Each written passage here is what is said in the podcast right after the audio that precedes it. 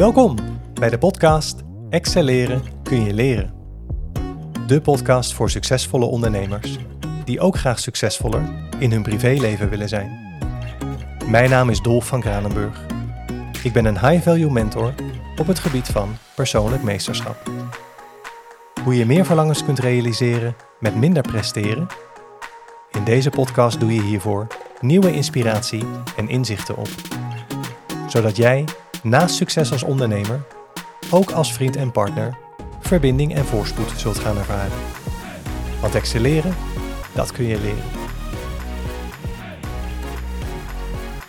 Goeiedag allemaal en welkom terug bij een nieuwe aflevering van Excelleren kun je leren. Hartstikke leuk dat je luistert. En wat een mooie dag vandaag. Vandaag is de eerste dag dat ik met Excelleren kun je leren op schoolreisje ga. Ik ben uh, on tour met uh, de Portable uh, Podcast Studio. En ik zit hier in de muziekstudio van mijn volgende gast. De akoestiek is hier alvast top en het gezelschap zo mogelijk nog beter. En mijn volgende gast zal zichzelf even aankondigen aan de hand van de vraag der vragen. Vertel me wie je bent. Geweldig. Mooi. Ik ben Ramon Roelofs. Ik ben uh, 54 jaar. En uh, ja, mensen kunnen me, kennen mij misschien beter als eh, Charlie Lonois, uh, het grote publiek dan. waarin ik samen met mijn ma maatje Mental Tio in de jaren 90 ontzettend veel succes heb gehad met happy hardcore muziek. Um, ja, daarnaast als Ramon Roelofs heb ik diverse kanalen op social media waarbij ik uh, spiritualiteit op een bepaalde manier onder de aandacht breng. En dat is voor mij ook een hele ontwikkelingsweg geweest uh, door de jaren heen. En daar kunnen we zo meteen nog allerlei dingen over vertellen. Uh, maar ja, wat ik bij de mensen breng is bewust, bewustzijnsverruiming door de vraag: ja, vertel me wie je bent. Prachtig, dankjewel. Ja. Wat een mooie aankondiging. en ja, we gaan daar zeker zo meteen dieper induiken. Deep dive met Ramon Roelofs vandaag. Maar uh, ik wil graag eerst even een eh, rubriekje met je doen. Een terugkerend item uh, in uh, de gastpodcast. Ja. En om ook laten, te laten zien zeg maar, hoe individueel wij onze waarheid en onze werkelijkheid beleven. En ehm, ik zou eigenlijk willen, jou willen uitnodigen om te beginnen. Ramon, hoe kennen wij elkaar? Wij kennen elkaar doordat we, ehm, nou ja, misschien helemaal terug ook. Een vriend van mij waarmee ik altijd sporten in uh, Soetermeer. Die, uh, uh, nou ja, die, die wees mij op een gegeven moment op een filmpje op Facebook. En daar was jij in te zien in dat filmpje. En daar kondigde jij aan dat jij een bepaalde techniek had ontwikkeld en een, een procestherapie om mensen naar dichter bij hun eigen kernwaarden te laten komen. En ehm, dat vond ik heel interessant, dat filmpje. Ik vond het heel mooi. Ik zag jou daar met je capuchon op zitten. En op een gegeven moment, het was eerst heel donker. En later zette je je capuchon af en toen werd het licht. En uh, ja, zo zie ik ook wel wat ik breng met, met vertel me wie je bent, zeg maar. Uh, dat je eigenlijk vanuit uh, de, nou ja, vanuit je eigen schaduw, zeg maar, naar het licht kan komen. En ehm, ja, hij had mij gevraagd of ik dat wilde delen op Facebook. En ik dacht van, nou, iedereen die begint of die iets moois te melden heeft. Ja, vond ik gewoon hartstikke mooi om, dat, uh, om daar een steentje aan bij te dragen. Dus ik heb dat gedeeld. Maar toen dacht ik ook bij mezelf van... hé, hey, het lijkt me ook wel interessant om die procestherapie te ondergaan. Dus ben ik met jou in contact gekomen. En toen hebben wij, uh, nou, ja, ik denk uh, een jaar of zo intensief met elkaar gewerkt. Dat is jouw waarheid. Ja. Ja, prachtig. Dankjewel ja. voor het delen. Ja, mijn waarheid is, uh, Ramon, uh, wij kennen elkaar sinds 2017. Hè? Dat is van, toen wij elkaar persoonlijk ontmoet hebben. Maar ik ken jou, of ik herken jou natuurlijk al ja, jaren. Jij bent een van mijn jeugdhelden als uh, Charlie Lonois. Ik luisterde veel naar jouw muziek. En je was toch wel... Gabba. Een gabba. en ja, zowel binnen de, de happy hardcore als de, ja, de, toch wel de, de hardere stijl. Ik heb van de week nog eens even de Ultimate Sex Track opgezet. Ook dat konden jullie goed. Gewoon even lekker knallen. Ja, ja. Maar uh, ja, ja, jij bent een van mijn jeugdhelden uit de tijd dat ik uh, heftig ging stappen van uh, Groningen tot Antwerpen en terug. Ja. En um, nou ja, wij zijn op een gegeven moment bevriend geraakt op, op Facebook, maar we hadden elkaar nog niet persoonlijk gesproken. Nee. En ik heb in 2017 heb ik mijn eerste promotiefilmpje heb ik opgenomen samen met Pep Edits. En ja, dat is een talent die heel mooi in beelden een verhaal kan vertellen. En ik heb hem gevraagd om een promotiefilmpje te maken. En op het moment dat het, dat filmpje er was, heb ik mijn netwerk ingeschakeld met de vraag: wil je dat filmpje voor me delen? En terwijl ik zo door mijn lijst contacten ging in Facebook, kwam ik op een gegeven moment kwam ik, jouw naam tegen. En daar heb ik echt even over na moeten denken. Want ik dacht, ja, weet je, wij kennen elkaar niet. Uh, en om nou jou te benaderen met een berichtje van, hey, wil jij iets voor mij doen? Dacht ik, ja, weet je, hoe, hoe ethisch is dat? Tegelijkertijd dacht ik van ja, ik ken ook de andere kant van wat Ramon inmiddels doet. Hè, mhm. op, het, op de persoonlijke ontwikkeling en het spirituele. Ik dacht van ja, als er iemand is die dat ondersteunt, dan, dan is Ramon dat. Dus ik heb er uiteindelijk toch voor gekozen om jou de vraag te stellen of je dat filmpje wilde delen. Oh, jij hebt het aan mij gevraagd toen? Dat is mijn waarheid. Ah, oké. Nou ja, dat weet jij zelf beter als ik natuurlijk inderdaad. Ja, grappig. En uh, het grappige was is dat ik inderdaad voor jou een, uh, een, een, hele openhartige reactie terugkreeg toen jij dat filmpje gezien had. En ja. je zei van ja, weet je, ik, ik, ik ja, herken mijzelf daar ook als mens in. En uh, nou, wij zijn met elkaar in gesprek gegaan. Ik herinner me dat telefoongesprek nog goed. Het was vrijdag eind van de dag. Mijn zoon die was al bij me. Die zat in de woonkamer lekker te gamen. Ja. Dus ik zat op mijn, op mijn slaapkamer om gewoon vrijheid met jou te kunnen praten. Um, maar de tijd dat wij dat telefoongesprekken afgesproken hadden. Ik, ik merkte dat ik dat een beetje spannend vond. Ik dacht van ja, weet je, dit is toch een van mijn jeugdhelden die, die nu zo meteen gaat inbellen. En ja. vijf jaar geleden vond ik dat toch wel spannend. Ja, weet je, iemand die zo'n grote naam is, ja, toch een bekendheid geniet in binnen- en buitenland. Grappig om te merken dat ik dat toen heel spannend vond. Um, maar iedereen die jou kent, die zal beamen dat er niemand is die zo down to earth is en die zo zichzelf is gebleven als, als jij. En het was ook gewoon een heel fijn, heel open telefoongesprek. Waarin we inderdaad uh, nou ja, de afspraak gemaakt hebben van joh, zullen we een intakegesprek doen en eens kijken wat we voor elkaar uh, kunnen betekenen. Ja, ja. En uh, nou ja, we zijn elkaar het, met elkaar aan de slag gegaan, waarin ik jou een tijdje heb mogen begeleiden. Het grappige is, het is daar niet bij opgehouden, want wij zijn ook in de jaren daarna zijn we elkaar nog regelmatig tegengekomen. Vaak in de setting als ondernemer en ondernemer. Ja. we hebben meerdere filmpjes opgenomen. Ehm, jij hebt ook nog een, een tijdje deel uitgemaakt van team Jouw Houvast. Ja. Waarin ik uh, als ondernemer eigenlijk met een team een oplossing aanbood voor mensen die er herstellende zijn van een burn-out. En het grappige is, ik heb mezelf echt wel een aantal keer uitgevonden in de afgelopen tien jaar dat ik ondernemer ben. En nou ja, jij bent, jij bent daar van, uh, van een aantal ontwikkelingen ben je daar uh, ook getuige van geweest en, en heel nauw bij betrokken geweest. Ja, ook, ook een van de ambassadeurs van mijn bedrijf nog altijd. En um, nou, ik heb met jou meegedaan eerder dit jaar in uh, de intensive... Uh, intensive werk. Ja. Intensive werk. Ja. En um, ja, waar we elkaar uh, dagen bevraagd hebben met de vraag, vertel me wie je bent. Ja. En uh, ja, prachtig proces ook. En ik vond het ook heel erg leuk om jou een keer uh, aan het werk te zien in dat waar jij goed in bent. Ja. We hebben eerder een podcast al met elkaar opgenomen. Ik ben eerder te gast geweest in jouw podcast, Alles op tafel. Klopt. En ja, superleuk dat je er, dat je er bent, Ramon. dat ik hier mag zijn om opnieuw een een podcast met je op te nemen. Nou, helemaal top. Dus ja, zo zie je maar, wij, mijn waarheid, jouw waarheid, hoe uh, de beleving van dezelfde dingen, hoe dat kan verschillen. En, en dat is ook, ook heel tekenend voor het werk wat ik doe. Uiteindelijk gaat het niet om de waarheid, maar het gaat om wat iemand beleeft, wat iemand als een probleem ervaart en wanneer iemand zelf de noodzaak ervaart. Uh, ja, mooi, of, mooi of, of, de wens ervaart om iets te gaan veranderen. Ja. En op het moment als hij, uh, hij of zij daar zelf niet uitkomt en professionele hulp wil, dan kan ik daar weer toegevoegde waarde inleveren dat is wat mij beweegt. Ik vind het ook heel erg interessant. Ik doe dit werk ook om, uh, ja, dat ik het mateloos boeiend vind. Wat, ja, waarom doen mensen wat ze doen? Ja. Ramon, wat beweegt jou? Waar kom jij volgens je bed vooruit? Nou, vanochtend kwam ik heel, uh, heel slecht mijn bed uit. ja, ik was... Uh, gisteren ben ik naar de Carmina Burana geweest. Dat is een opera. En die had ik al eerder gezien in het Concertgebouw in Amsterdam. En dat was alweer tien jaar geleden. Um, en gisteren een maatje van mij, met wie ik uh, vaak ga duiken, die, uh, ja, die houdt ook van die uh, ja, klassieke muziek. En hij zegt van, heb je zin om een keertje mee te gaan naar dat Ik zeg, ja, vind ik tof. En hij vindt dat wel gaaf, want hij heeft niet zoveel Anschluss zeg maar, in zijn vriendengroep. Ja. Dus samen naar Camino Burana geweest. Daarvoor had ik nog best wel zwaar ook gesport. Dus ehm, vanochtend werd ik wakker en toen normaal gesproken gaat om half zeven, kwart voor zeven gaat wekkertje. Maar ik dacht vanochtend, zo, ik ben nog zo moe. Dus ik wil nog even doorslapen. Dus ik had mijn wekker uitgezet. toen werd ik om acht uur wakker. Het was helemaal kapot. Dus dan moet ik echt gewoon uit dat ritme en dan opstarten. Dus uh, vanochtend uh, moest ik wel mijn bed uit, want ik moest hier naartoe. Dus uh, nou ja, dat bewoog mij of beweegt mij vandaag. Maar wat beweegt mij? Um, mij beweegt um, inspiratie. Um, hoe ik zeg maar mijn dag begin, dat is vaak met een boek. Als ik uh, s morgens wakker word en ik uh, Meestal douche ik s'avonds, dus s morgens douche ik niet. dat komt ook weer van die zee vandaan, omdat ik vaak ook de zee in ga. Dus dan, ja, dan vind ik dat ook wel, is dat ook prima. Hmm. Water, gewoon, het gaat dan om water om me heen. Ja.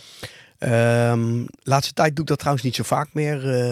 Ik ben in de afgelopen drie maanden had ik in één keer drie keer de griep. Dat heb ik echt nog nooit gehad. Dus dit jaar is ook wel een bijzonder jaar voor mij, waarin ik ook weer ja, een nieuwe fase in mezelf ontdek. Uh, ik ben nu 54, of ik al zei. En uh, ja, in één keer krijg ik dan drie keer de griep achter elkaar. Heel gek. Mm ik, ik, kan het niet verklaren. Ehm, normaal gesproken dan heb ik zeg maar twee dagen de griep en dan uh, één dagje een klein beetje koorts, maar dan is het al meteen weg. Maar nu, uh, ja, dan uh, was het weg. Ging de zee in en dan was het gelijk weer terug. of, of ik, het was weg en ik had een weekend en dan moest ik optreden en dan kwam ik terug, gewoon weer door de week en dan kreeg ik weer de griep. Heel raar, heel apart. -huh. Dus um, Nee, ja, wat mij beweegt, wat ik zeg, ik vind het heerlijk om inspirerende gesprekken met mensen te voeren. Vandaar ook dat ik mensen coach. dus daar heb ik, nou ja, door de week heb ik daar afspraken voor staan met mensen. Um, en dat kunnen allerlei mensen zijn, van managers tot en met huisvrouwen en van ondernemers tot en met sporters. -huh. daarom, ja, ze noemen het wel eens life coach. Nou ja, ik luister gewoon heel goed. En als, eh, als, uh, als ik merk dat ik ergens op aanga, uh, en dat is meestal omdat ik mezelf heel goed kan invoelen in de ander, dan, ja, dan komen er vragen. En zo worden mensen wat slimmer over zichzelf. Dus dat vind ik heel fijn om te doen. Daarnaast uh, lees ik boeken ik net zei, s morgens vroeg dan uh, vind ik het fijn om een goed boek erbij te pakken en de dag te beginnen met inspirerende teksten van uh, grote denkers. Ja. Ik ben nu bezig met een boek eh, van over Rielke, Rainer Maria Rilke. Dat was een bekende dichter, maar echt een heel spiritueel mens ook. En het leuke is dat als je kijkt naar bijvoorbeeld ja, mensen uit het oosten, zoals zo'n uh, historische Boeddha of zo. Of uh, de, de, Jezus Christus of uh, whatever it may be. Weet je, dat soort figuren. En dan zo'n Reiner Maria Rielke. Als je kijkt naar SEC, wat die mensen dus deden in hun leven, dan zie je dat ze eigenlijk allemaal niet zoveel van elkaar verschillen.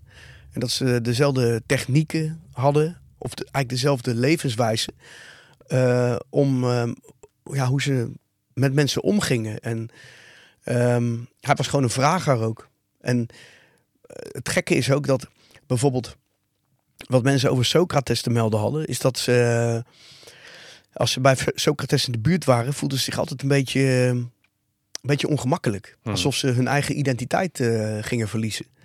En uh, dat hadden dus mensen ook als ze bij die, uh, bij die Rielke in de buurt kwamen. Dan wisten ze van ja, als ik bij hem in de buurt kom, dan gaat hij me vragen stellen en daar heb ik geen antwoord op. Dus eigenlijk kom je dan helemaal uit je vertrouwde routine en uit je comfortzone. En dus, uh, nou ja, en dat is wat ik ook doe in principe. Ik stel mensen vragen waardoor ze uit hun comfortzone komen en uit hun gewoonte denken. En zodoende buiten de box uh, belanden. En daar is natuurlijk geen houvast meer. En juist in die, in, in die ruimte, daar ligt het uh, creatieve potentieel. Ja, prachtig.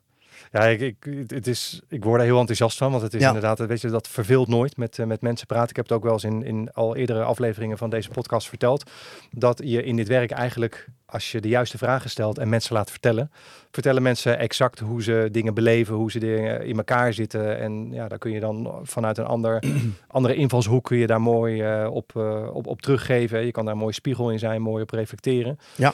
Uh, maar het is machtig interessant wat er, zeg maar, aan de, aan, wat er bij mensen aan de binnenkant gebeurt. En zeker als je uh, een setting kunt creëren waarin de openheid en het vertrouwen er is. Uh, ja, om, om jou als buitenstaander daarin mee te nemen.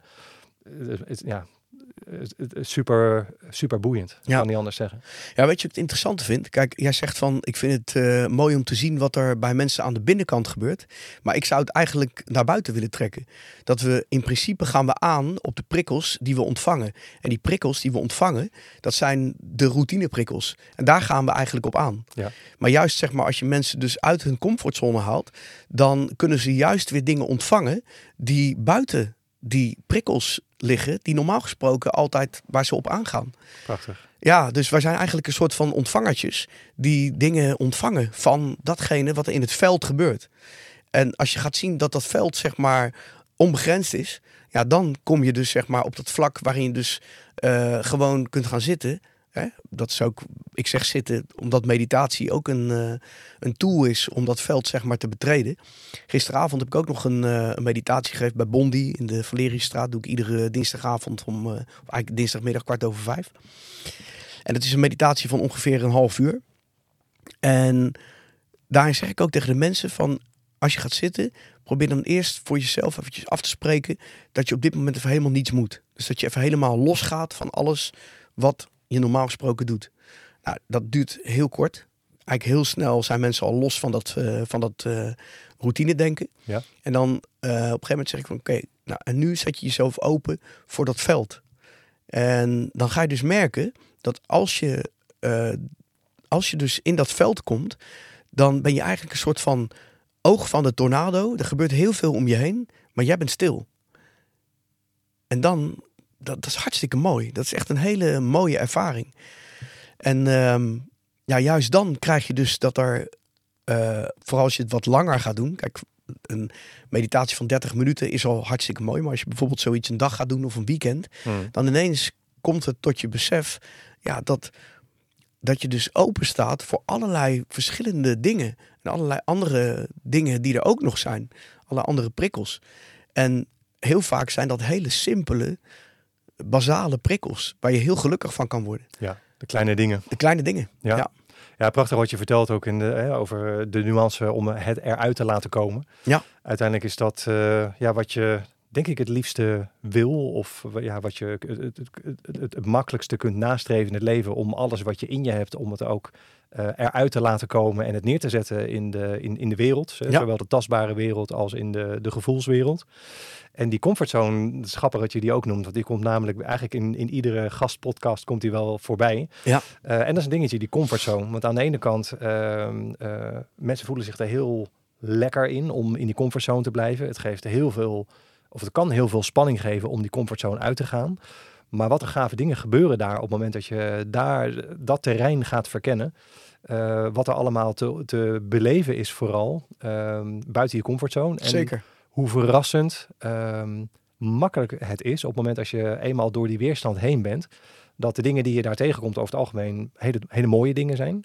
En dat alle weerstanden die je daar verwacht, dat die eigenlijk altijd veel kleiner zijn dan wat je ze hebt gemaakt in je hoofd. Ja, inderdaad. Ja, het is, het is heel mooi wat je zegt ook. Uh, in ons hoofd maken we natuurlijk van alles. Hè? Eh, omdat het ook heel beperkt is natuurlijk. Het beperkte dagelijkse bewustzijn. En juist op het moment als je jezelf in dat grotere bewustzijn zet. En nou ja, dan, kom, dan kom ik dus op het plekje waar, uh, waar ik ooit ben begonnen als 13-jarige als, als DJ. Dat voor mij is iedere keer als ik moet draaien, is dat weer een stukje om uit mijn comfortzone te komen. Want wat doe ik? Ik stap eigenlijk uit de groep en ik ga voor die groep staan. Mhm. En dat doe ik iedere keer weer. En het is altijd wel een spannend moment. Niet dat ik daar uh, heel erg opgewonden van raak. In het begin, toen ik dat deed, nou, ik kan me nog herinneren toen ik voor de eerste keer op Brave the City moest draaien hier in de Houtrusthallen. Mm. Toen stond ik daar voor het allereerste keer voor 6000 mensen te draaien. En ik had wel vaker in clubs gedraaid en zo. En dat, was ook wel, dat zijn ook wel spannende momenten. Maar dan meestal begin je om negen uur. En dan druppelen er langzaam mensen druppelen er binnen. En dan op een gegeven ogenblik dan, uh, staan er uh, eh, 500 of 1000 mensen staan er voor je, voor je neus. Maar dan heb je langzaam al die mensen zien toestromen. Je groeit er mee. Precies, dus als je op, ja, je groeit er gewoon in mee. Dus als je op een gegeven moment zeg maar op zijn Rave City staat en je komt net van buiten uit je, uit je studiootje en je gaat een uurtje rijden en je, hup, en je komt binnen. En in één keer, van niks, ga je in één keer voor die groep staan van 6000 mensen. Ja. Dat is different cake. Dat is echt, want het is echt in één keer een, een bewust een shift is dat. Ja. Echt een shift. Nou ja, wat er ook in die groepsenergie natuurlijk gebeurt, eh, vlak, het moment vlak voordat jij natuurlijk het podium opstapt, dan, dan word je aangekondigd. Hè? Ja. Hier zijn Charlie Lonois de mental Tio, of hier heb je Charlie Lonois. Ja. Ja, en, en, en ja, de groep anticipates you. Ja. Dus dat begint natuurlijk al met een verwachting van, nou, nu gaat het gebeuren. Ja. En dan mag jij. Ja, precies. En ik weet ook dat, dat die verwachting er ligt, weet je. En eh, daar bouw ik eh, natuurlijk aan het begin altijd wel een soort van eh, eh, veiligheidsdingetjes in. Dus eh introotje en dat ik weet van oké, ik ga met deze plaat ga ik beginnen. Ja. Dat ik in ieder geval kan wennen aan de rol die ik op dat moment aanneem. Prachtig. Ja, zeker. En dat, dat is. ja, dat is die energie, hè? Die, en, en dan ook dat veld ook maar gewoon laten werken en het loslaten. En te zien van, ja, wat, wat ga ik nu doen? Ga ik, ga ik de playlist helemaal afwerken eh, die ik gemaakt heb? Met, eh, of ga ik gewoon ook eh, daarbuiten? En Ja. nou, dat afgelopen was ook wel lachen, want niet toevallig had ik afgelopen week een feestje, een bedrijfsfeest voor een, een makelaar. En die hadden een hotel afgehuurd en in de basement hadden ze naar de hand nog een, een feestje. Dus daar heb ik staan draaien. En die jongen die mij had geboekt, die zei van... ah, wil je dan van 10 tot 11 even een uurtje draaien? Ik zei, ja, superleuk, doe ik wel even. En eh, nou, ik kwam daar aan. En toen was ik al... In eerste instantie was ik wel uit mijn comfortzone, want er was apparatuur geleverd. Maar die was nog helemaal niet aangesloten. Oké. Dus ja, ik heb vroeger wel mijn eigen drive-in show gedaan, maar dat ging allemaal heel anders. Nu zijn allemaal actieve speakers met doorlussen en dat soort dingen meer, weet je. Dus ik belde die gozer op die dat had geleverd. Ik zeg, Bas, ik zeg, ik snap er geen kloten van. Je moet me helpen hoe ik dat moet aansluiten, weet je. Dus, eh, nou ja, die apparatuur aangesloten. En ik vond ik me helemaal trots van dat ik dat weer had gedaan, weet je. Ik voelde me helemaal een kind. En eh, nou, toen ging ik dus draaien. Uiteindelijk heb ik gedraaid van kwart voor tien tot kwart over één. Dus ik heb echt gewoon eh, drieënhalf uur staan draaien. Lekker zo stampen. Alles, ja, stampen, maar ook eh, disco gedraaid en zo. Dat vonden ze wat minder leuk. Maar, eh, en toen weer snel overgegaan op hakken. Prachtig. Ja. Je vertelde net over de 13-jarige Ramon. Zou je ons in, ehm, in, in de highlights mee kunnen nemen hoe zeg maar, die ontwikkeling is gegaan tot eh, ja, een behoorlijk succesvolle ondernemer? Eventjes ga ik heel snel hoor, want ik kan het verhaal zo eh, uitgebreid mogelijk maken. Maar jij zegt highlights. Oké, 13 jaar kwam ik eh, tot de ontdekking dat ik muziek heel tof vond. Ik kwam een sociëteit binnen, er stonden DJ's te draaien achter een mobiele discotheek, een drive-in show. En ik was meteen verkocht en ik wist, dit wil ik gaan doen. Toen was ik er niet van bewust dat mijn vader ook eh, drummer in de rockband was. En eh, dat ik eigenlijk, ja, diegene, de, die informatie, weet je wel, die, die, die pikte ik meteen op. Ja. Dus, ehm, nou ja, dus ik eh, meteen begonnen, drive-in show. Zo goed zo kwaad het ging, mijn school afgemaakt, LTS. Maar altijd bezig met muziek. Rode Draad was muziek. Eigen radiostation begonnen. Eh, knippen en plakken bij de Bond van Doorstarters. Dat soort dingen. Daar mixen, uitgezonden. Ferrymaat en eh dance tracks. Toen eh, was ik jaar of 19. Toen werd ik opgeroepen voor militaire dienst. En, maar ook tegelijkertijd, iets daarvoor, was mijn biologische vader overleden. We hadden elkaar een hele tijd niet gezien. Ehm, mijn oma had een brief geschreven. Zei, als je hem wil zien, dan moet je snel zijn. Want hij eh, heeft niet meer lang te leven. Nou, ik heb hem eh, drie keer gezien. Waarop de laatste dag... eh, de laatste keer was op de dag dat hij kwam te overlijden. Eh, onbewust ook een impact bij mij ach- achtergelaten. Kan ik zo meteen, nog, zo meteen nog wel iets over vertellen. Ik had ook een stiefvader. Die heeft me wegwijs gemaakt in de wereld. Dat zie ik ook echt als, als een vader. Maar mijn biologische vader was toch echt ook wel, ja, is iets. En dat, dat, dat ook, is ook gewoon een man die een bepaalde energie bij mij heeft neergezet. Die ik later echt heb moeten verwerken. Ja. Toen eh, ging ik dus de dienst in. Ben ik totaal van de muziek afgetrokken. Dat is eigenlijk wel een sleutelmoment. Want daar merkte ik dat ik ging nadenken. Dus dat ik ging piekeren en malen. Van ja, wat moet ik nu met mijn leven? Weet je, ik heb mijn school niet afgemaakt. Althans mijn MTS niet afgemaakt. En... ehm, maar ja, ik wil toch iets eh, eh, in de wereld betekenen. Toen zag ik op een sportje op televisie van de marine. Stap in de wereld die marine heet. Ja. En eh, avontuur dacht ik. Zag die bootjes varen buiten. Oh, heerlijk. Ik dacht, ja, dat, dat is wat ik wil. Nou, dus ik mezelf opgegeven voor de keuring. Ah, ik was binnen eh, drie dagen goedgekeurd of zo. Je gaat dan naar Amsterdam. En dat doe je normaal gesproken eerst een dag voor selectie. Dan doe je een driedaagse keuring, psychologisch en eh, fysiek. Ja. En dan doe je nog een naselectie, want ik wilde eigenlijk mijn hele leven daar blijven. Ja. Dus ehm, voor onbepaalde tijd. Nou ja, dat deden ze bij mij allemaal in één dag. Of in, eh, in drie dagen. Ik bleef daar slapen. En eh, dus voor selectie, eh, de keuring en de naselectie. Dus ik was eigenlijk binnen drie dagen was ik al weg en wist ik dat ik naar de marine toe ging. Dus ik zat Ik werd opgeroepen voor de marine in september werd ik opgeroepen. En toen kreeg ik mijn opleiding, jaar opleiding gehad. Toen ging ik varen op de boot. En toen merkte ik, dit is helemaal niet mijn wereld. In de ehm, opleiding vond ik het gek. Echt super tof. Alle gezichten dezelfde kant uit. Maar toen ik aan boord van het schip kwam, toen dacht ik van, het zit voor een uh, luie shit, joh, weet je wel. Hmm. En ja, toen ging ik op een gegeven moment een reis maken, zes weken lang uh, alleen maar aan boord zitten. Niet aan dek, niet buiten. En toen dacht ik, dit is niet mijn wereld. Nee. Nou, dus uh, had nog wel wat voet in de aarde, maar kwam daar vrij snel weg. Toen ging ik bij mijn vader werken, lastbedrijf. Dit waar we nu zitten, deze ruimte, was vroeger lastbedrijf. Daar heb ik toen een tijdje gewerkt, een jaartje weer als rode draad muziek. Meteen s'avonds uh, in de avond altijd muziek maken. Eigen studiootje op mijn slaapkamer. Um, uiteindelijk ben ik op Mallorca gaan draaien, zes weken. Uh, toen ik daarvan terugkwam, toen uh, was er een Mallorca-reunie. November 92 in de jaarbus in Utrecht. Daar ontmoette ik Theo. Theo en ik gingen samenwerken. Uh, we hadden allebei, we zijn totaal verschillende karakters. Hmm. Totaal. Alleen, we hadden dezelfde droom. En juist die plus en die min bij elkaar zetten. En plus en min is, is niet uh, verkeerd bedoeld, zeg maar. Maar juist, zeg maar, tegenovergestelde. En die bij elkaar zetten, nou, dat, dat was echt uh, firework. Gaaf. Dus wij zijn met z'n tweeën, zijn we, ja, eigenlijk binnen twee jaar stonden we aan de top. Wat resulteerde in 1994 dat uh, Wonderful Days uitkwam. En een hit werd in de top 40 in Nederland en in Duitsland. En in Duitsland zelfs 26 weken in de Media Control Charts heeft gestaan. Uh, toen reisden we eigenlijk de hele wereld al over met onze happy hardcore sound. Van uh, India tot en met Australië, van Amerika tot en met heel Europa gezien. Daardoor kregen we een contract bij Polydor. Heel veel geld opleverde, maar ook afspraken. Dus we moesten plotseling gaan werken voor ons geld. En dat deden we al. Alleen nu was het van spelen was het naar werken toe gegaan. Ja. Dat betekende drie singles per jaar en een uh, album per jaar. En dat vier jaar lang. Op een gegeven moment in 96 merkte ik al dat die druk die werd zo hoog. En uh, ja, ik probeerde allerlei ballen onder water te houden, maar dat lukte niet. Wat resulteerde dat ik tegen de vlakte ging tijdens een optreden.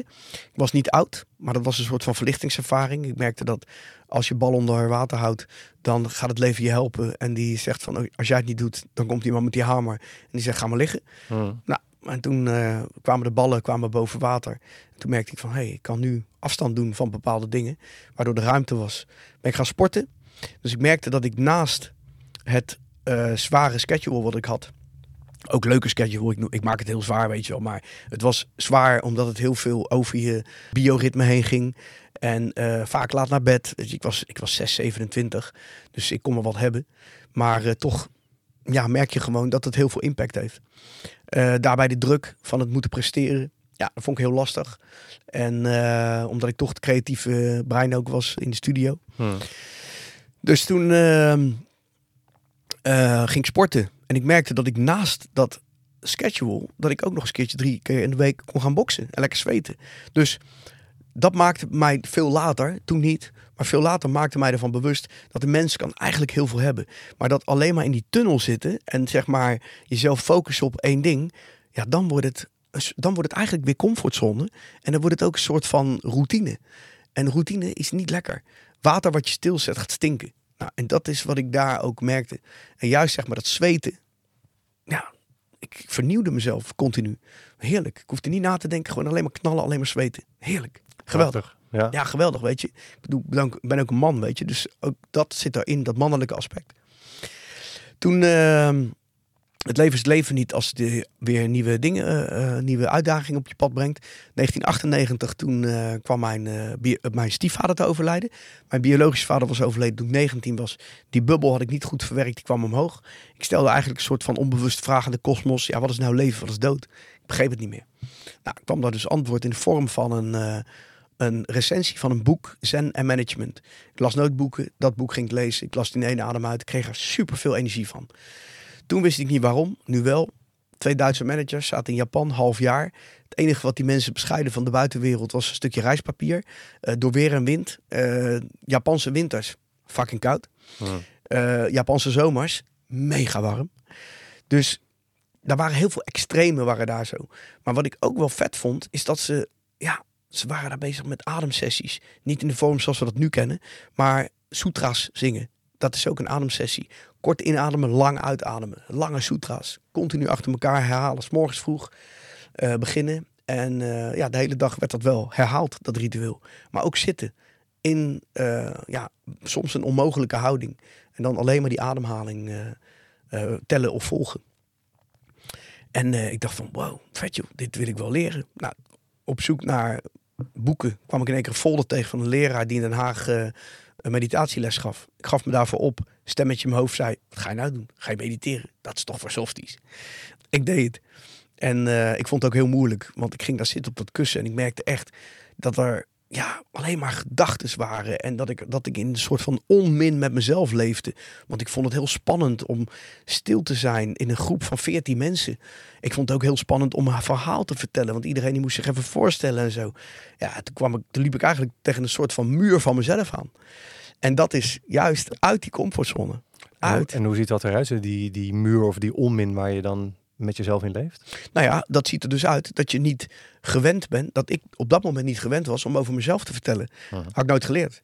Eh, vond ik heel spannend. Heel spannend. Waarom? Geen idee. Vond het gewoon heel spannend. Ik had het nooit geleerd. Ehm, maar ik vond het ook heel spannend om met mensen in stilte te zitten. Dus dat sociale even weg te gooien. En gewoon even alleen maar zijn. Goed zoals je bent. Hm. Zonder meer. En dat was voor mij een bewustwording. Dat was echt wel vanuit een hele hectische wereld. Met die happy hardcore, met contracten. Met eh, als je binnenkomt in een ruimte, werd gelijk gepraat. Weet je wel, alleen maar babbelen, babbelen, babbelen. Ja, ineens kom je dan in zo'n wereld. En daar is stil zijn, ben je al goed genoeg. Ja, want ik hoor hoe je dat heel mooi beschrijft. hè. Ik zie dat ook eh, in een plaatje voor me, zo'n zo'n attractie, zo'n achtbaan, zeg maar, die zo omhoog takelt. Hè. Je, je, je bent Ja. aan, aan het doen waar je het meest blij van wordt. Je bent Ja. muziek aan het maken. Ja. Eh, je ont- ontmoet een creatieve partner eh, waarmee je fireworks eh, creëert. Ja. Ondanks jullie, nou ja, eigenlijk je, je aanvullende kwaliteiten. Ja. En dan op een gegeven moment dan, dan gebeurt het. En dan sta je gewoon binnen, binnen no time sta je aan de top. En dan, dan heb je dat succes waar je als, als, als jong persoon van droomt. Ja. En ja, met groeiend succes, eh, ja, daar, daar, daar komt dan dus ook een keerzijde aan. En dan merk je dan, in jouw geval, dan ga je dus tegen de vlakte tijdens, eh, tijdens een optreden. Ja. En dat je merkt van, ja, wacht even, ik ben wel jong en vitaal, maar dat elastiekje is niet oneindig eh, rekbaar. Ja, het zijn, kijk, het is de keerzijde, maar het is ook, zeg maar, ehm, het zijn gewoon de, ja, de hobbels die bij het pad horen. Hm. Zo zie ik het nu, hè. Ik bedoel, je krijgt gewoon hobbels op je pad en die moet je gewoon overwinnen. Nou, en daar, ja, daar, sommige hobbels waren voor mij gewoon eh, best wel lastig om te nemen. En eh, ja, ik, ik, ik, ik heb er ook heel veel van geleerd. eh. ja, dat mag ik wel zeggen. Ik heb er gewoon heel veel van geleerd. Ook van, ja, wie ben ik wel en wie ben ik niet. Ja.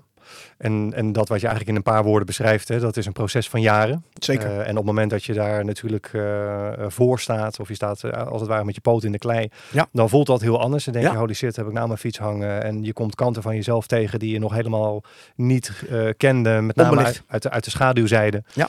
En dan, eh, ja, dan word je eigenlijk gewoon enorm met jezelf geconfronteerd. En met name ook hè, van, van wat je op een gegeven moment dacht van ja, maar ik doe toch wat ik leuk vind. En, en dat dat dan dus kennelijk ook een, negatieve impact op jezelf kan hebben. Ja, zeker. Nee, het, is, eh, het is helemaal zoals je beschrijft. En ik denk dat het belangrijk is dat, eh, om te beseffen dat het inderdaad een groot goed is en een zegen is, zeg maar, om te doen wat je leuk vindt. Maar dat het ook goed is om daar een bepaalde balans ook in te vinden. En ja, om jezelf niet helemaal te verliezen. In, eh, Wat was dat dan alleen het, het contract van, van Polydor op dat moment? Dat je dus, hè, je, je, moet een album, je moet zoveel singles per jaar af, eh, afleveren. Eh, is dan dat, die prestatie die je moet leveren de enige drukfactor? Of merk je dat je ook op andere manieren over je grenzen gaat? Nee, zeker. Ik ging op allerlei manieren over mijn grenzen. Want ik heb natuurlijk ook een soort van leven van een rockster geleefd. En ehm, nou ja, laat ik het zo zeggen. Wat bij die archetypische rockster horen. Kijk, ik gebruikte geen drugs, dat niet. Af en toe dronk ik een biertje. Maar daar ben ik vanaf 1995 ook mee gestopt. Want ik merkte toen wij die topsport ingingen, want zo noem ik het ook. Ja. Ja, toen, toen was het voor mij niet te doen. Om, eh, om ook, eh, zoals toen we gingen, toen we aan het spelen waren, weet je wel. Ja, dan konden we gewoon ook wat langer slapen. En, eh, maar toen we uiteindelijk echt gewoon die, in die molen gingen van, ja, van die, die crossover van twee DJ's die gewoon lekker aan, het- aan het eh, draaien waren. In één keer artiesten werden. Mhm. Ja, dat, dat was gewoon een hele andere wereld. Dus ik merkte dat eh, daar was geen, geen plaats meer voor, eh, voor ieder weekend drinken erbij. Ja. En, ehm, en daarbij kwamen dat, dat, dat, ja, dat ook allerlei eh, allerlei dingen op mijn pad kwamen. Net zoals met vrouwen en zo. En dat, dat was, ja, dat werd ook een soort van excess. Ja. En vooral zeg maar na, ja, nadat de happy hardcore voorbij was. Jaren 90 viel het nog wel mee, maar eigenlijk daarna. Toen was het voor mij dat het echt een soort van excess was. Toen ging ik ehm, met mijn vriendin uit elkaar, met eh, Claudia destijds. En toen, ehm, ja, toen ben ik een ander eh, traject gaan bewandelen. Want Theo die ging eh, met zijn Mental Tier on the Road show, ging die door het land heen met zijn televisieshow. Mhm. En ik ben toen in Duitsland op zoek gegaan naar andere muziek weer. En toen kwam ik eh, op het pad van eh, de, de toen beginnende hardstyle. Dus de, de, de, de hard trance noemden ze dat. Ja. En dat was Cosmic Gate, Scott Project, eh Branken Jones, Essential DJ Team. En allemaal van dat soort figuren, Kai. En die muziek vond ik zo vet. Was allemaal wat zachter als de happy hardcore. Maar toch vond ik daar een, een bepaalde nieuwe... Voelde ik daar een nieuwe vibe in zitten. Een nieuwe creativiteit. Ik voelde dat daar iets geboren werd. Ja. Nou, daar ben ik vol in gedoken. En samen met Frankie Tunes heb ik toen eh, het project Starsplash opgericht. En eh, ik produceerde dat samen met eh, Klaus van Cosmic Gate. Klaus ter Hoeven. En dat deden we altijd in de studio in Duisburg. En ja, ik was vrij. En ik, ik, ik, ik heb echt... ik merkte dat toen, toen, eh, toen we in een groter team gingen samenwerken, dat het voor mij ook makkelijker was om met die druk om te gaan. Want ik was de DJ samen met Frank. We draaiden ja, eigenlijk over de hele wereld eh, samen. En ehm, met Klaus produceerde ik. Dus ik, ik ging altijd op maandag naar Duisburg. Als ik een weekend had gedraaid. En dan reed ik in de ochtend naar Duisburg toe. Nou, dan in de middag gingen we al produceren. En dan eh, dinsdag, woensdag, donderdag produceren. Donderdagavond weer naar huis toe, naar Nederland. En dan, ehm, ja, dan pakte ik wat nieuwe, nieuwe kleren. En dan eh, reisde ik, of ging ik naar Schiphol en dan ging ik weer reizen. En dat heb ik echt vijf jaar gedaan. Ja. En, ehm, maar daar vonden wel excessen ook plaats. Dus veel met wisselende contacten en zo en alles. En ik had niet in de gaten dat dat ook een soort van, ja, een soort van verslaving was. Een soort aandachtsverslaving. Was dat voor jou ook een manier om die ballonnen die je net beschreef, hè, Ja. die je eh, onder water aan het houden was, wa- wa- waren bijvoorbeeld de excessen met vrouwen. Was dat voor jou ook een manier om bepaalde ballonnen onder water te houden? Ja, ik denk het wel. Zeker. Ja, ja, want ik merkte toen op een gegeven moment toen ik een eh, sabbatical nam. Dat was naar aanleiding van een, eh, iets wat ik merkte in 2004. Was halverwege 2004. Toen hadden we een videoclip opgenomen in Daytona Beach. En ik vloog terug via Orlando naar, eh, naar Schiphol. En eh, ik zou, denk een acht uur later of zo, zou ik direct weer doorvliegen naar Oostenrijk. En eh, ja, op dat moment kwam ik aan op Schiphol en ik sliep achter de douane. Dus ik hoefde niet door de douane heen, maar achter de douane sliep ik in het Mer Mercure Hotel. Dus ik heb toen een uurtje of vijf, zes geslapen. Toen werd ik wakker, toen eh, nou ja, eventjes naar de sushi bar om te ontbijten. En toen zat ik daar zo. En toen kreeg ik een soort van, ja, dat ik even, net dat ik niet goed werd. Heel Schiphol begon te draaien, ik werd heel erg duizelig. En toen ben ik op de grond gaan zitten. En ik zie het nog zo nog voor me. Het lijkt wel film, net zoals bij de Terminal, die film. Ik zat zo op de grond met mijn hoofd tussen mijn benen. En toen begon het te zakken. Maar het was, ik voelde me niet goed. Hmm. En toen eh, deelde ik dat met, met mijn coach, met mijn eh zencoach destijds. En eh, die zei van, wat zou je ervan vinden om een keer een uh, sabbatical te nemen? Een halfjaartje pauze of zo. Ik zeg, ja, geweldig dat ik daar niet eerder aan gedacht heb, joh. En ehm, dat heb ik toen gedaan. En in die tijd, toen, ehm, ja, heb ik een jaar gewoon pauze genomen. Er kwamen leuke dingen op mijn pad. Een vriend van mij die eh, kon een huis huren op Ibiza. En eh, dat heb ik toen gedaan samen met hem en met nog iemand anders, met z'n drieën. En eh, ik nam mijn mountainbike mee. We zijn daar lekker gaan, gaan fietsen en met familie daar naartoe. Maar ik heb ook mijn boek geschreven daar. En daar heb ik allerlei drijfveren van mezelf onderzocht. Van ja, waarom, ja, waarom doe ik nou eigenlijk wat ik, eh, wat ik deed? Ja. En ehm, nou, daar kwam ik achter dat ik, eh, ja, dat ik op zoek... Eigenlijk zei ik altijd van ja, geld helemaal niet belangrijk. Maar het was wel belangrijk. Ja. Ehm, eh, aandacht. Ik zou ook, ja, hoeft allemaal niet zo, weet je, vind maar ik vond het wel belangrijk. Dus eigenlijk de dingen waarvan ik zei dat het niet belangrijk was, waren wel belangrijk. En toen ik voor mezelf besefte en ook echt naar mezelf open was en eerlijk, toen pas kon ik daar afstand van nemen. En het was je eerste boek die je daar geschreven hebt. Want Ja. je, hebt, eh, je hebt er meerdere geschreven. Autobiografie van een DJ. Ja. Ja, prachtig. En ehm, Nou, op het moment dat ik jou ook begon te volgen op Facebook, op dat moment uh, had je een eigen zenschool. Had je? Ja. Dus je, had al, je was al wat minder bezig met muziek en wat meer met uh, de bewustwording, meditatie, en uiteindelijk heb je ook je eigen, je eigen zenschool heb je hier succesvol neergezet. Ja, vanaf 99 heb ik, uh, ben ik begonnen met meditatie. En dat was, ik heb eigenlijk 16 jaar lang heb ik, heb ik stevast iedere dag gemediteerd. Echt, uh, misschien soms ook eens een dag niet. Maar het was echt een heel groot onderdeel van mijn routine. Dus iedere dag, s morgens en s avonds, deed ik mijn meditatie. Regelmatig retraites gedaan. 2005 mijn sabbatical. En, maar ook in al die drukte. Dus zeg maar dat hele drukke bestaan tussen 99 en 2005 altijd gewoon iedere dag meditatie gedaan. Toen, uh, en dat ging gewoon door, ook in 2005, ook toen ik op Ibiza was. En uh, retretes deed ik drie, vier, vijf retretes wel per jaar. Meestal weekendjes, maar ook wel eens wat langer. En ik volgde bij uh, Raoul, bij mijn leraar, altijd cursussen. Dus was het een soort van gevorderde cursus. En er waren mooie thema's die hij aanstipte met boeken.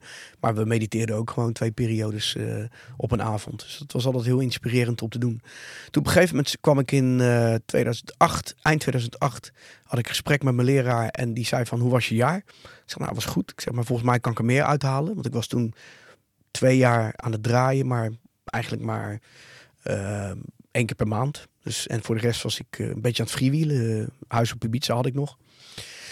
En toen zei hij van, uh, hoe zie je dat dan? Ik zeg, nou ja, volgens mij wil ik wel datgene wat ik heb geleerd in de afgelopen tien jaar, bijna tien jaar, wil ik wel doorgeven.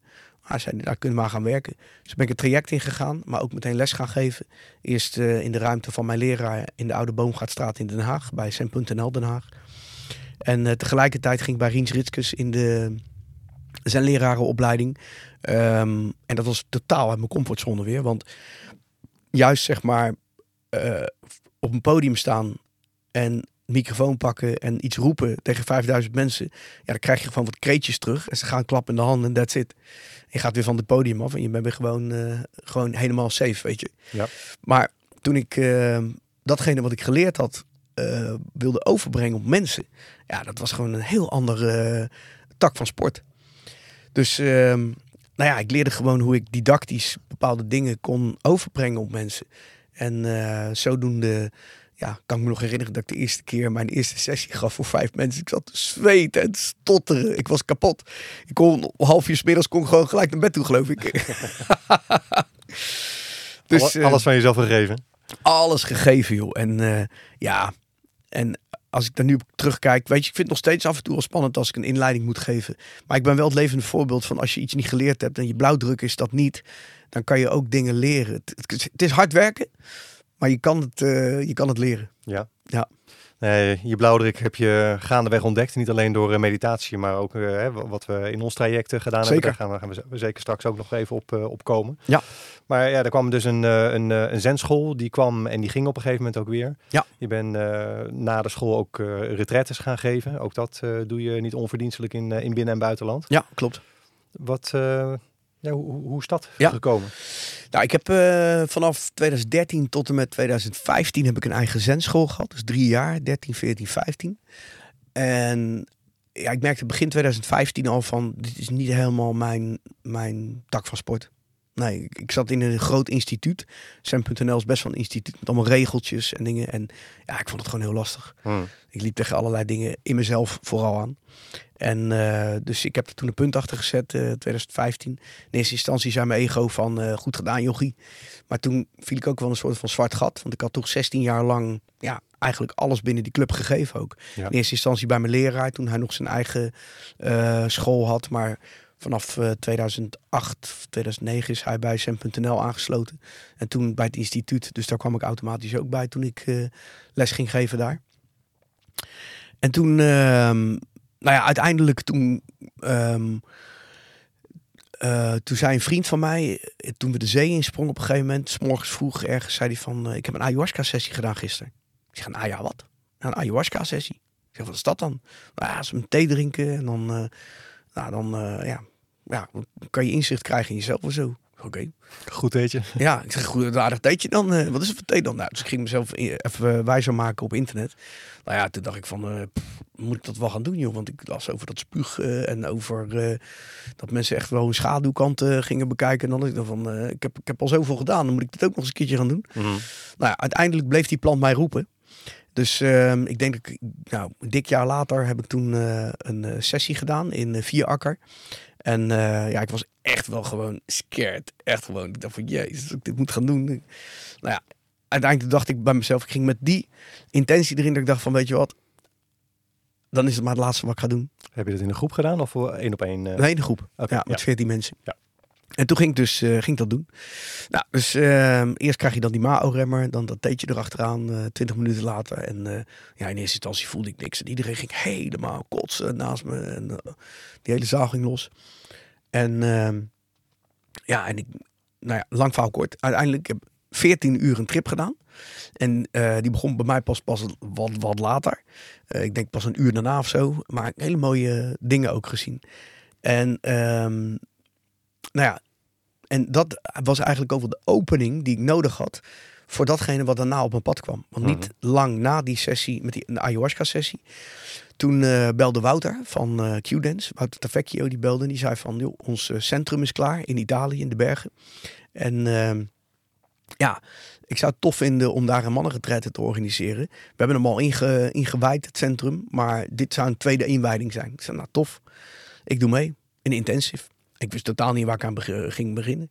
Dus ik vloog daar naartoe en eh, kwam Schiphol, kwam ik wel bekenden tegen van de Q-Dance.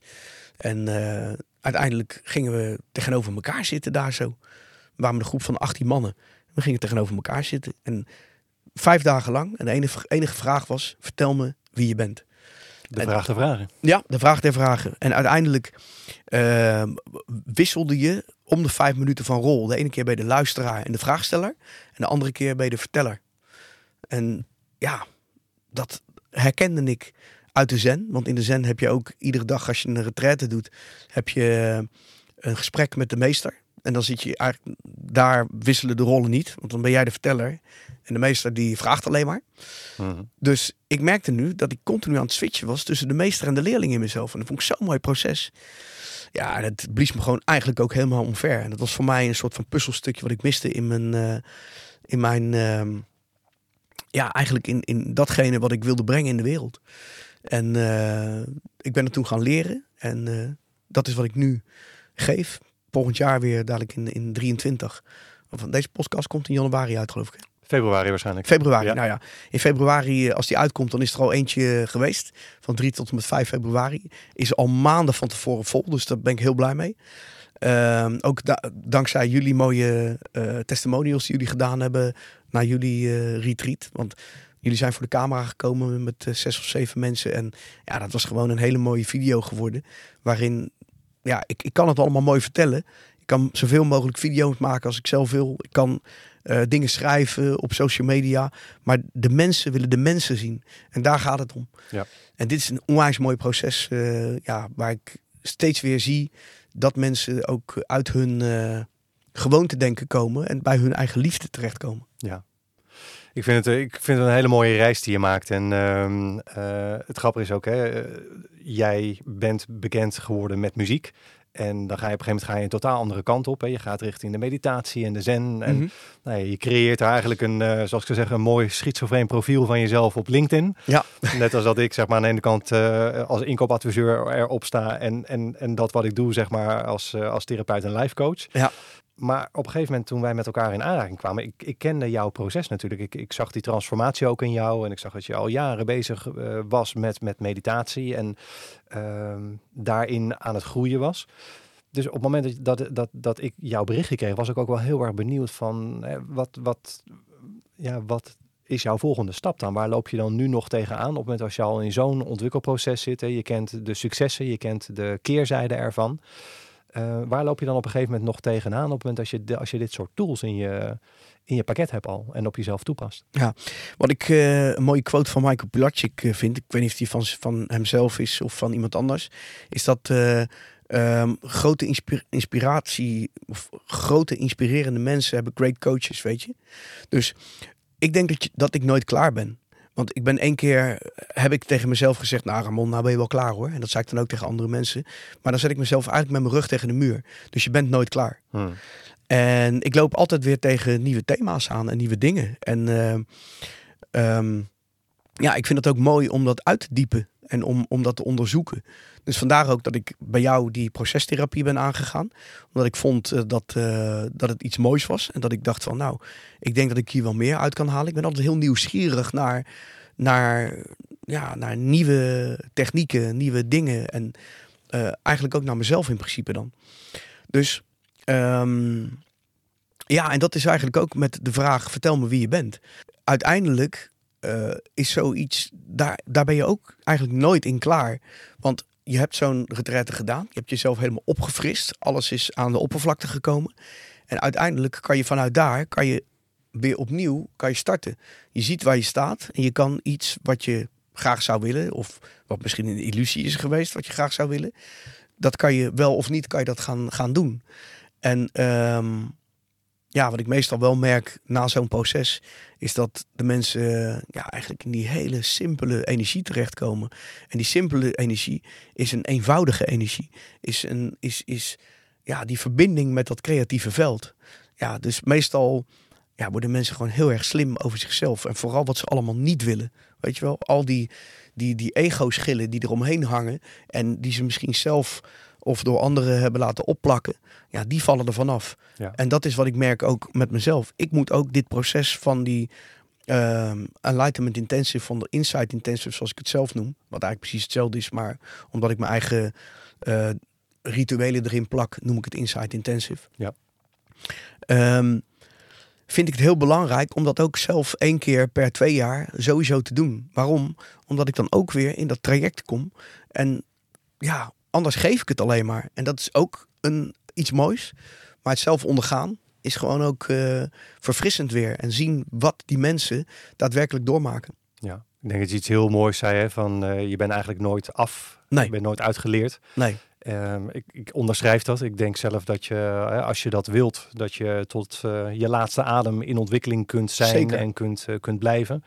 Uh, en het is helemaal aan jou wat je, de, wat je eruit wil halen. Maar aan de ene, aan, aan de ene kant, hè, jij zei van, ik kreeg dat soms ook wel eens geroepen, hè, van uh, ja, nou, ik ben klaar. Uh, ik, ik, herken van mezelf dat ik op een gegeven moment dacht van, ja, ben ik nou nog niet klaar, weet je, ik heb al zoveel gedaan. Ja, mooi, en, en, en, ja. en, en, wat nu dan weer? Ja.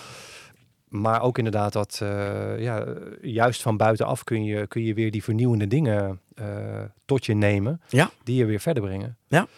Wat heb jij in onze samenwerking aan vernieuwends gevonden bij mij? Wil je daar iets over delen? Zeker. Ik wat ik, nou, en, en, dat vond ik wel het meest uh, verhelderende.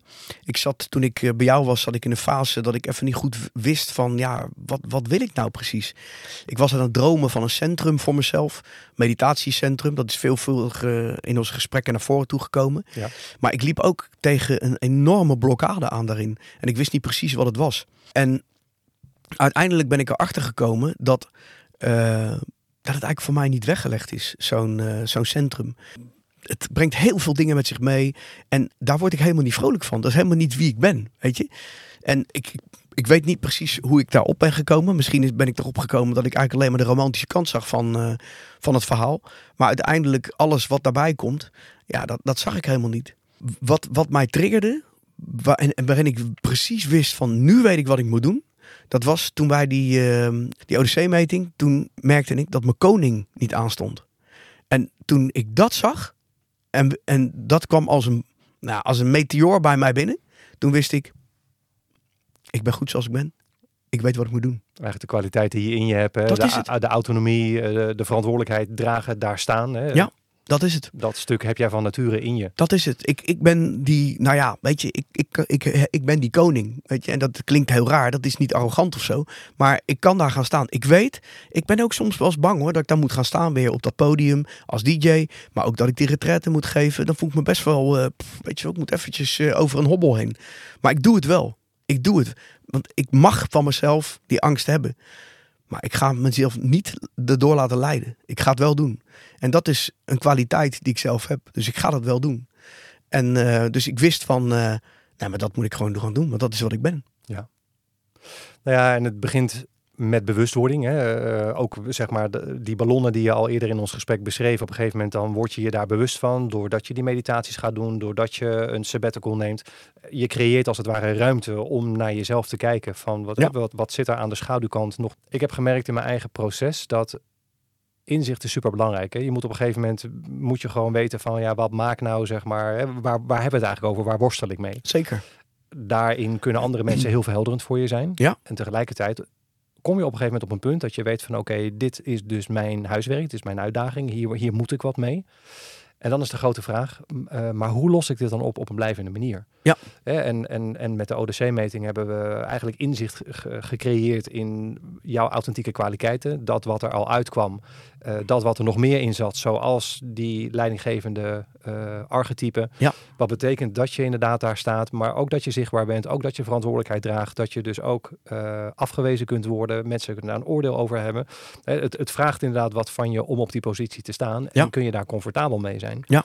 En wat ik gemerkt heb is dat als iemand die kwaliteit in zich heeft, maar het komt er niet uit, dan zit daar eigenlijk achter altijd een, een, een, een angst om afgewezen te worden en eigenlijk een manier van bewegen of wegbewegen om dat te, te, te voorkomen. Ja. En dus het feit dat je bepaalde kwaliteiten in je hebt, maar ze komen er nog niet uit. Ja, wat maakt nou dat je op een gegeven moment eh, in de 40 bent en hard aan jezelf gewerkt hebt, maar dat er nog steeds dingen in je zitten eh, die heel erg bij je passen, Ja. maar die er niet uitkomen. Ja. en dan heb je toch vaak over overlevingsgedrag, over eh, ja, compenserend, compenserend gedrag, aangeleerd gedrag. ja. Hè, wat hele mooie kwaliteiten zijn, want ze houden je weg bij de pijn, ze houden je staande in het leven. eh, hè, je, je, je leeft en, en, en op sommige vlakken overleef je.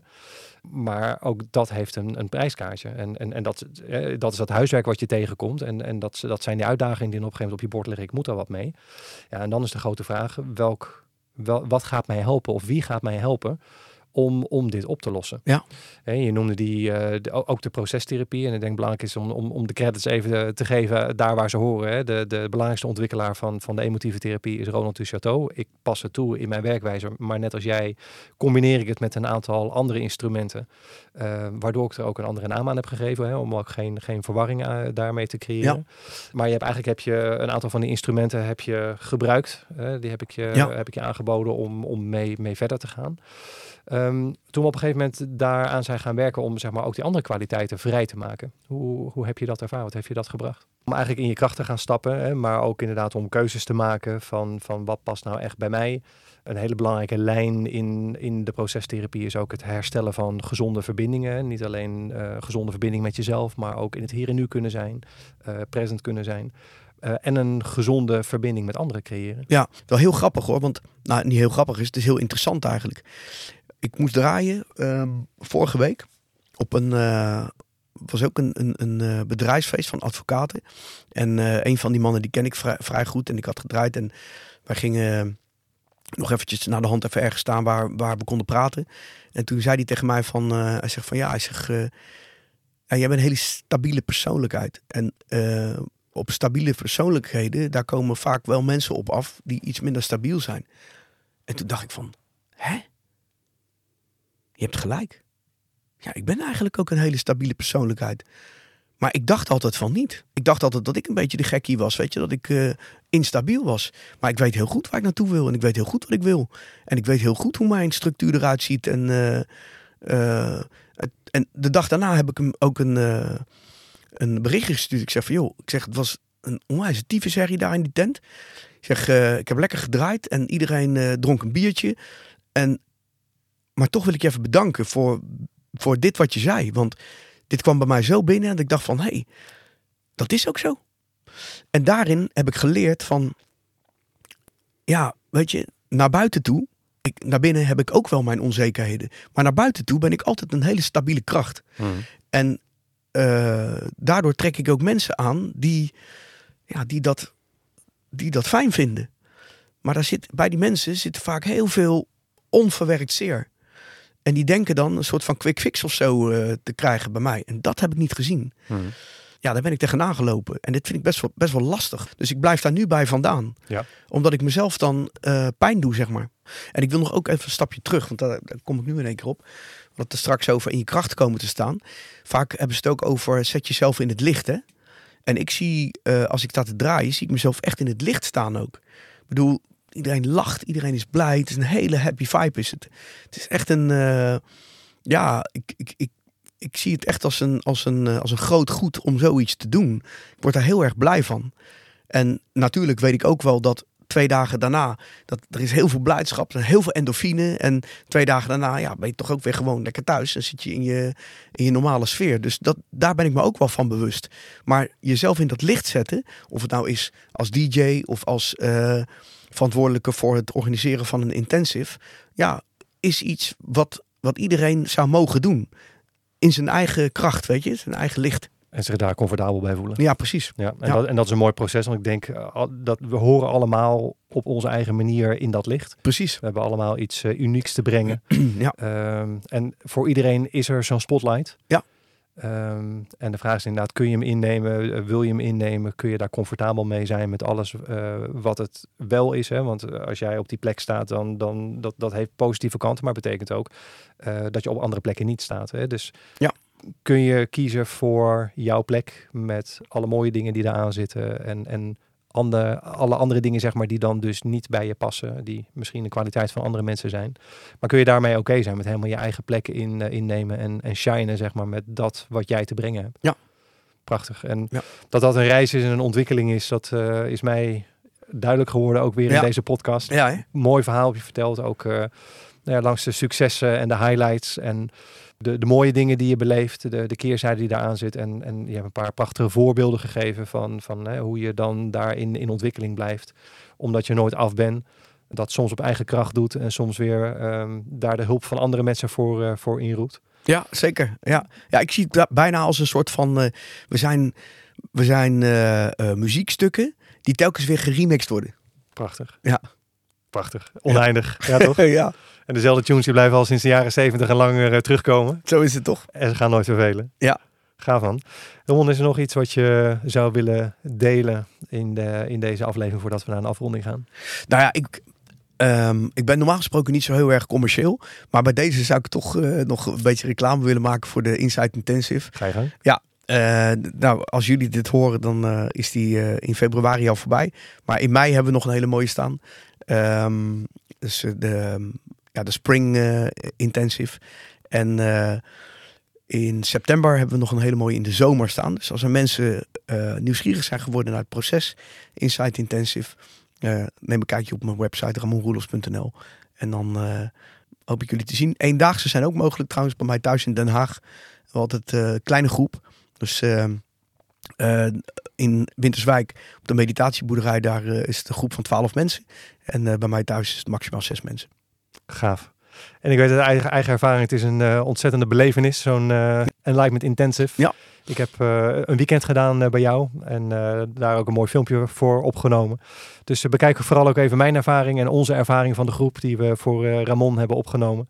En ja, gaat, gaat beleven. Geweldig. Ramon, dankjewel voor, voor je gastoptreden in deze podcast. Ik vond het hartstikke leuk. Wij kletsen nog even verder. Graag gedaan. stukje appeltaart erbij. Lekker. There we go. Yes. Dit was hem weer. Voor nu. Dankjewel voor je tijd en aandacht bij het luisteren. Als deze podcast waardevol voor je was, laat dan even een review achter. Je zou me een groot plezier doen door deze aflevering te delen met de mensen in jouw netwerk voor wie jij denkt dat dit ook meerwaarde heeft. Heb je nog vragen over wat je zojuist gehoord hebt? Of een suggestie voor onderwerpen waarover jij graag meer zou willen horen in een volgende aflevering? Stuur me dan een berichtje op LinkedIn, Instagram of Facebook. Abonneer je ook even op deze podcast als je dat nog niet had gedaan. Wil jij graag dieper ingaan op de mogelijkheden die er zijn voor jou? Om meer verlangens te realiseren met minder presteren? Bezoek dan mijn website www.dolfvankranenburg.nl Hier kun je jouw één op één Zoom call met mij inplannen. Voor nu wens ik je alle goeds en graag tot de volgende keer.